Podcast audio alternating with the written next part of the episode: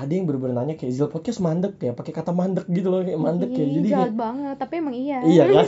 Iya kan? Aku yang kayak enggak taruh juga dilanjutin gitu tapi nggak tahu kapan nih. Malam ini kalian mau jalan ke mana sih? Hmm, aduh jangan lama-lama mikir deh. Mending ngedate bareng kita di Zil Podcast Suara Muda Masa Kini.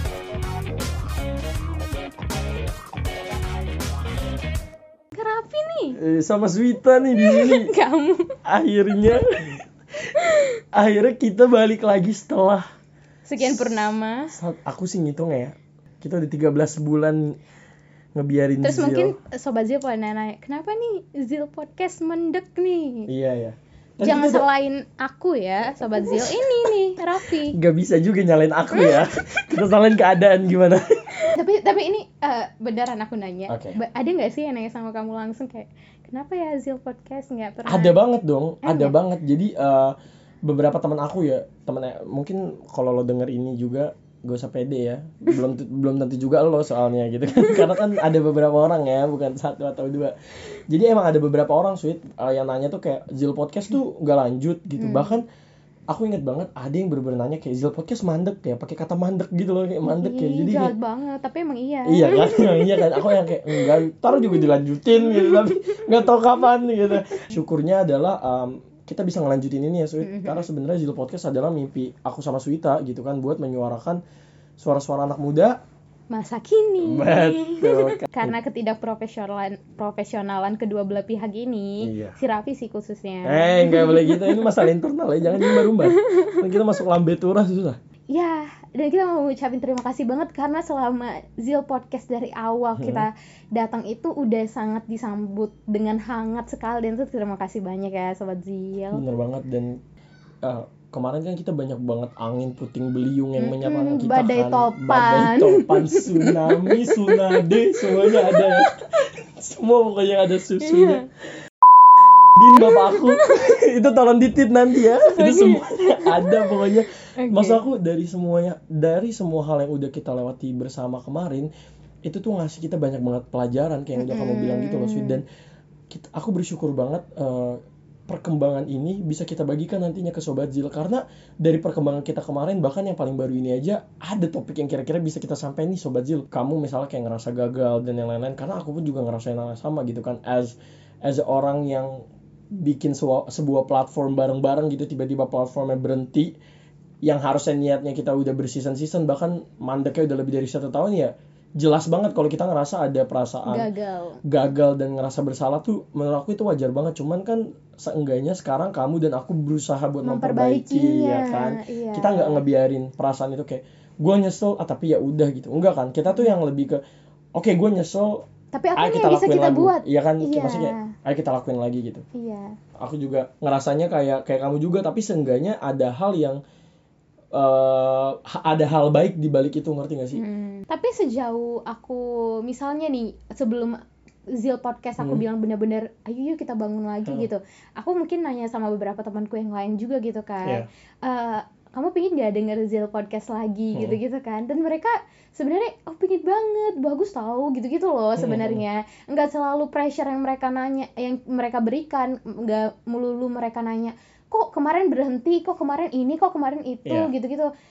Eh, atau mereka mungkin mikir kita nggak profesional enggak juga nggak selalu Hmm. begitu jadi emang itu wajar banget Iya. ada orang yang di sisi A di sisi B ada yang sisi mendukung ada yang sisi malah memperburuk gitu Oke. itu tuh wajar sebenarnya Oke, eh, menurut aku ini udah bukan nyerempet lagi, tapi kita udah masuk ya ke topiknya sebenarnya. Dan Iya. mungkin kalau misalnya buat kalian yang udah sadar, kalian tahu nih apa yang kita bahas nggak sih? apa tuh Kira-kira apa ya? apa ya Oke, kita langsung aja kasih tahu ke kalian. Sebenarnya topik yang mau kita bahas pada episode kali ini tuh adalah social pressure. iya benar banget Social pressure adalah sebenarnya kalau misalnya kita mau artiin ke bahasa Indonesia ya simpelnya tekanan sosial. Tekanan yang diberikan oleh eh, orang-orang kepada kita gitu loh, kepada lingkungan sosial kita.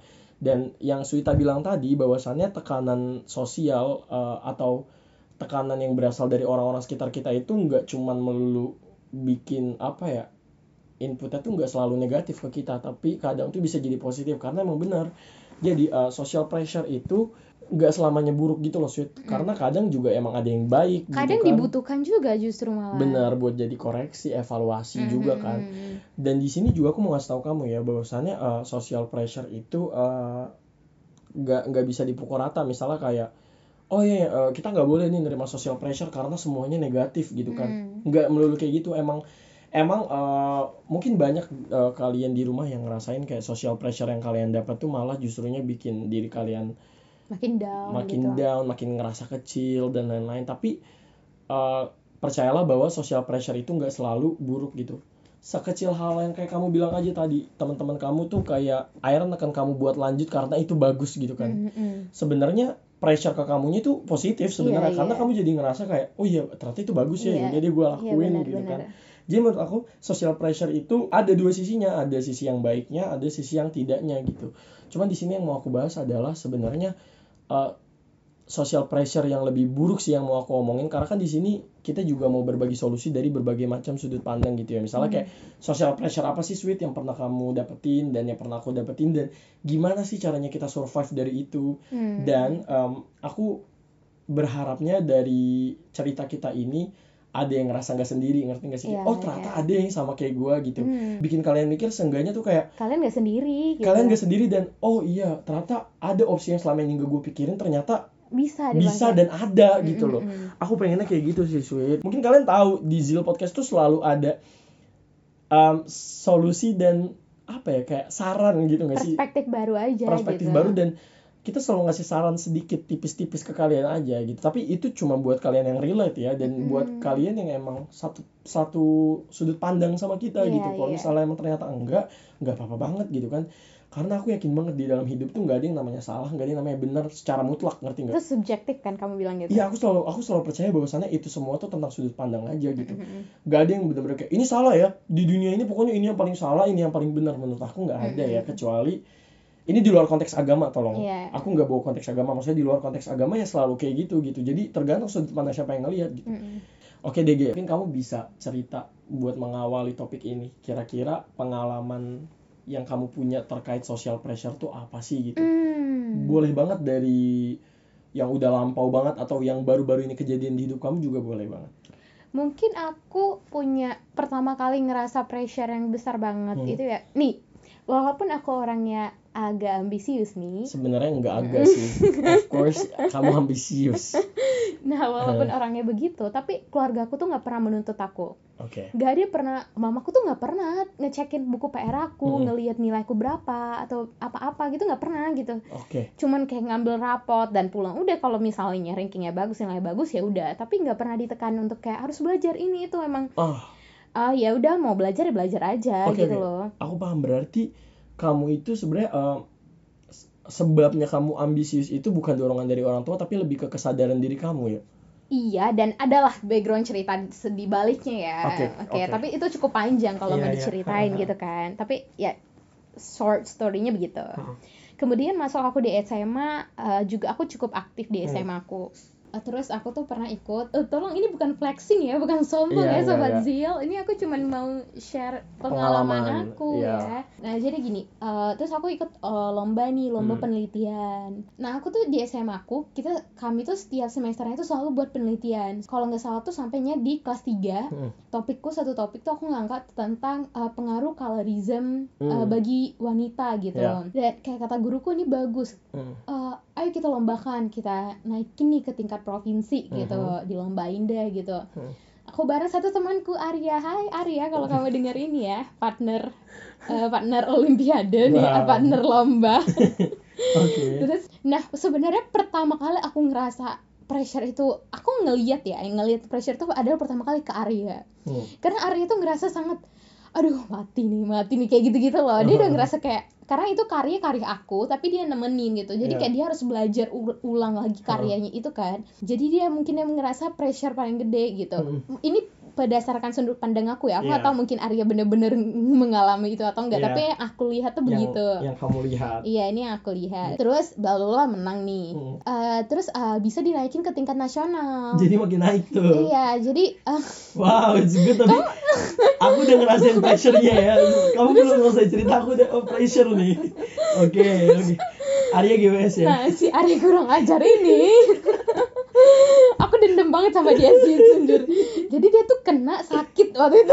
Kamu tahu setelah lomba itu, GWS makanya aku dia bilang masuk IGD, parah dia di opname cukup lama di rumah sakit dan dia tuh pulang kurus banget. Heeh. Dia kurus banget. Sedangkan ini uh, kata sekolahku dinaikin aja ke nasional, nggak masalah untuk jadiin pengalaman gitu lah. timingnya pas banget ya Nah, gitu. pas banget gitu kan terus kayak kataku juga ya udahlah ya pengalaman kenapa Hmm. enggak gitu ya coba tapi aku berusaha ngebujuk Arya terus Hmm. nih Arya ayo dong. Terus kayak pesawat aku bisa mati kata dia kayak gitu. Terus ngadep ke kepala sekolah lagi. Kepala Hmm. sekolah juga ngelihat dia udah kayak mayat hidup. Nanti emang dia udah se pucat dan sekurus itu. Guruku juga meng- bukan mengharuskan tapi kayak menyarankan ya udah naik aja. Juga nggak masalah. Kalau kamu siap ya udah nggak apa-apa Hmm. gitu loh. Dari sekolah itu bilang eh, nggak nggak harus juara ini itu nggak harus kayak masuk ke peringkat satu dua tiga. Pengalaman aja masukin aja gitu loh. Oke. ceritanya tuh ya udah kalian yang penting ikut iya yang penting ikut. gitu. jadi pengalaman kamu Suita kan gitu ya. so aku juga dengan imingin air mata udah stres gitu-gitu Heeh. juga ya udah ikutlah ketemu teman-teman baru entar seluruh Indonesia. Wait wait. Berarti kamu berangkat sendiri? Sama guruku nih. Oke tapi maksudnya harusnya lomba itu berdua orang-orang apa gimana iya biasanya tuh kayak dua sampai tiga orang Tapi- dalam satu tim oke tapi kamu aku berangkat sendiri drill sendirian Jadi, solo nih Iya, sama guruku lah dia Hmm. mendampingi gitu kan. Nah, waktu itu aku juga belum cukup baik untuk memanajemen uh, wak- waktuku juga Hmm. dan uh, pola pikirku Hmm. dan kayak teknik menghafal yang baik, teknik memahami materi itu gimana, Hmm. teknik presentasi yang baik tuh gimana, Iya. masih masih rendah lah gitu ya. Gak ada pressure sama sekali teman-teman, justru Hmm. mereka nge-support satu sama lain. Yang pressure tuh datang dari guru ini tadi gitu. Oke Oke, kan udah kayak ibaratnya tiket nih bayarin sekolah nih. Iya. Semua ke pengeluaran di sana, hotel, makan semua tuh dibayarin sekolah nih. dijamin Kalau lu nggak menang tuh malu gitu Nah, loh. Tapi emang dari sini kita bisa lihat dari dua sudut pandang ya. Ini kita nggak tahu yang benar yang mana. Emang benar guru kamu ngasih pressure yang besar ke kamu. Emang tujuannya mau ngasih pressure yang besar. Tapi kalau kita mulai dari sudut pandang lain, emang mungkin cara dia nyemangatin kamu kayak gitu bisa jadi Hmm, juga ya. mm-mm. Lanjut lanjut. Tapi kita nggak tahu yang benar yang mana gitu kan. Ya gitu. Mungkin eh, ininya guru aku sama aku juga cukup besar gitu. Harusnya bisa. Iya, ekspektasinya juga harus tinggi gitu Oh. ya. Nah, masalahnya teman-teman yang lain juga pada berangkat berdua. Mungkin kalau berdua lagi sama Arya, itu mungkin agak ada support system lah ibaratnya iya ya. dan kali dan apa beban di kamunya jadi kebagi dua kan. Iya, ini aku tuh sendiri dan akhirnya sampai nih nggak lulus. Aku pressure banget waktu itu tapi aku nangis telepon mama aku bilang aku gagal gitu. Aku gak bisa mah nggak menang gitu. Aku nangis, nangis banget aku masih di area olimpiade nih. Iya. Di depan pintu keluar aku nangis telepon mama aku. Tapi mama aku tuh bilang nggak apa-apa. Ya udah karena emang dari kecil nggak pernah dituntut mama aku loh. Aku Iya. harus kayak lomba ini itu, harus menang ini itu, harus ranking ini itu nggak Iya, pernah. karena lingkungan keluarga kamu tuh nggak nggak nggak pernah emang nyuruh kamu buat eh, maksudnya nggak pernah ngasih kamu beban Enggak, enggak. buat dan sampailah berita ini ke sekolah dan banyak ditambah tambahinnya ngerti nggak Oke. sih sedangkan aku waktu presentasi itu gak ada guru di ruang presentasi jadi semua itu peserta didiknya ya Mhm.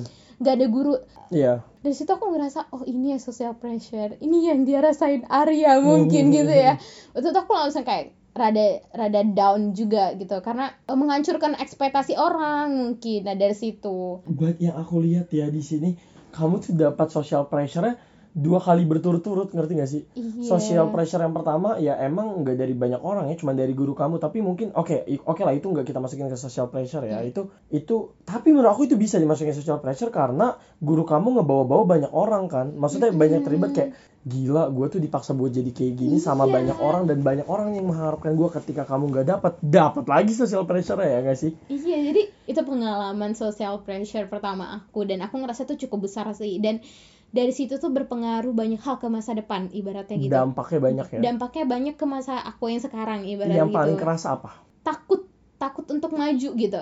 Takut untuk kayak bertanding. takut untuk mewakilkan sesuatu Iya, Iya kan itu Iya. itu yang kamu rasa berarti justru social pre- eh, dari social pressure yang udah kamu dapat dampaknya negatif ya bukan positif atau ada keduanya ada positifnya ada negatifnya atau gimana Em, sebenarnya ada positif dan Hmm. negatifnya ya. Pertama adalah dari situ aku belajar eh, ini pola pikir aku Hmm. sendiri aja juga eh, dan keluarga aku lah gitu. Hmm. Bodoh amat tuh penting. bodo amat tuh penting Iya, bersikap bodoh amat tuh penting banget. Jadi nggak usah peduliin omongan orang gitu. Berusaha untuk menutup dan menjelaskan setiap hal itu ke setiap orang itu susah kan? Kayak ya udah cukup aku yang tahu itu gimana. Pengalaman yang aku dapat juga banyak. Aku kenal banyak anak-anak hampir dari seluruh Indonesia. Kami punya background yang sama waktu itu. Dan ia men- eh, punya apa ya koneksi yang lebih banyak juga akunya. Dan ya mungkin salah satu yang buruknya itu adalah eh, itu aku su- agak susah jadinya ya mau maju untuk kayak mewakilkan sesuatu kayak tadi gitu ya. Tapi ya balik lagi ada sisi bodoh amatku juga. Ada yang suatu hal yang juga menentang aku kayak itu suatu hal yang saling bertabrakan gitu loh. Tapi ada di satu tempat yang sama iya. gitu ya. Jadi aku satu sisi juga mikir ya udahlah bodoh amat jalanin aja dulu. Orang mau mikir apa? Ya ini kan aku yang ngejalanin. Tapi in another side kamu punya sisi yang juga takut gitu ya. Iya, kak takut akan responsibility yang aku bawa dan lain-lain lah tugas-tugasnya dan lain-lain gitu. Jadi balik lagi ke self management yang sekarang Oke. gitu. Semakin ke sini, semakin aku dewasa, aku semakin bisa memanage itu gitu loh. Banyak pengalaman juga yang menuntut aku kayak, oke, I can manage this, I can handle this gitu loh. Ah, justru maksudnya adalah makin ke sini eh, kamu Karena masih berpikir- terus berkembang gitu Iya, ya karena berpikir gini, yang kemarin, yang pressure segede itu aja Hmm. bisa aku lewatin gitu Iya. loh. Apalagi yang ini makanya gitu. terus berkembang gitu kan Iya. oh iya sorry berarti pada saat itu kamu akhirnya mengatasinya gimana tuh waktu itu aku udah aku membiarkan diriku untuk nangis untuk kayak aku udah Rilis. Iya untuk rilis itu semua. Punya ruangku sendiri untuk merilis itu gitu loh. Misalnya aku ke toilet untuk kayak nangis dulu kayak ah, ngerasa aku membiarkan aja diriku untuk ngerasa oke aku gagal berarti kali ini ya gitu aku aku merilis itu waktu itu jadi kamu merilisnya dengan kesedihan tapi pada akhirnya kamu menerima gitu bahwasannya iya ya udah tapi nggak gitu. secepat itu juga menerimanya itu kompetisi itu Iya. kompetisi selalu ada yang menang dan ada yang kalah itu hal Benar. yang wajar gitu tapi pada hari itu aku ingat aku tuh di, eh, di Jakarta tiga hari Hmm. dan dua hari atau tiga hari aku lupa jadi kan eh, lombanya itu di hari pertama dan kedua. Hmm. udah gitu, hari pertama dan kedua nih. Satu hari kan masih ada free. Hmm. aku luangin waktu ke keluarga aku yang ini gitu Aha. Ah, yang aku pikir waktu itu ya udah sih aku bisa have fun di sini. Berarti aku aku selalu aku nangkepnya gini. Solusi yang kamu tawarkan adalah ya udah belajar buat menerima kegagalannya tapi eh, setelah kamu menerima kegagalannya cari hal sekecil apa pun yang kira-kira bisa kamu syukuri. Iya ya kan? selalu ada hal baik sebenarnya. Iya aku juga ngerasa sih jujur deh seburuk apa pun keadaan lo kadang ada hal yang bikin lo bersyukur. Kalau nggak ada hal yang kayak oh ternyata mm, dari semua keburukan ini masih ada satu kebaikan yang tersempil Mm-mm, gitu. Cuman emang kadang manusianya aja yang nggak ngelihat kan karena Iya. mungkin itu terlalu kecil gitu kan. Mm-mm. jadi aku ngerti sih berarti yang yang harus dilakukan nih misalnya ada yang ngalamin kayak kamu sweet jangan pernah ditahan. Maksudnya jangan pernah ditahan kayak kalau mau sedih ya sedih aja gitu kan. Iya. jangan ditahan kayak nggak apa-apa udah nggak apa-apa gue gagal. Tapi gue kayak karena makin lama kalian eh, nahan itu makin lama kalian ngerilis semuanya proses penerimaannya juga akan semakin Hmm. lama gitu kan. Aku ngelihat dari beberapa case kamu teman-teman aku yang lain bahkan diriku sendiri apa ya pola kesedihannya orang tuh hampir sama gitu. Jadi Hmm. mereka eh, sedih dulu nih penyesalan dulu marah dulu pokoknya eh, gimana dulu dia terserah. Baru nanti menerima. Nah itu mereka harus rilis dulu semuanya. Abis-abisan dulu gitu kan.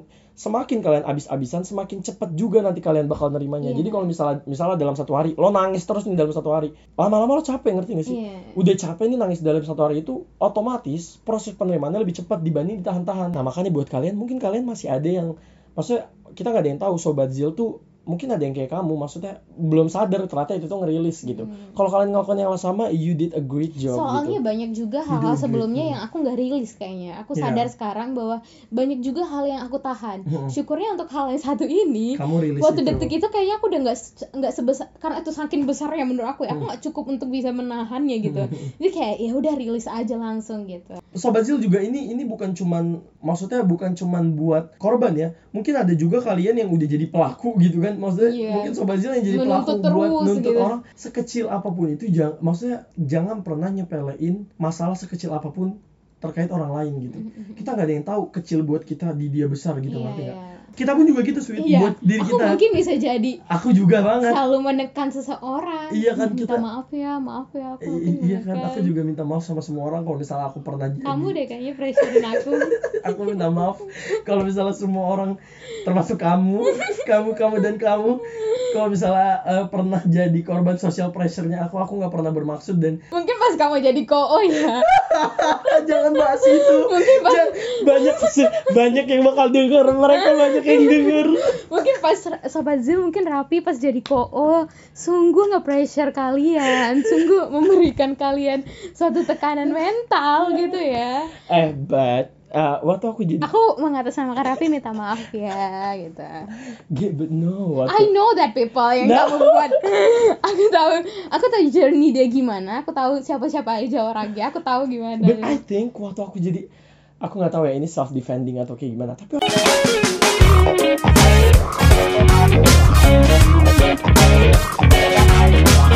you.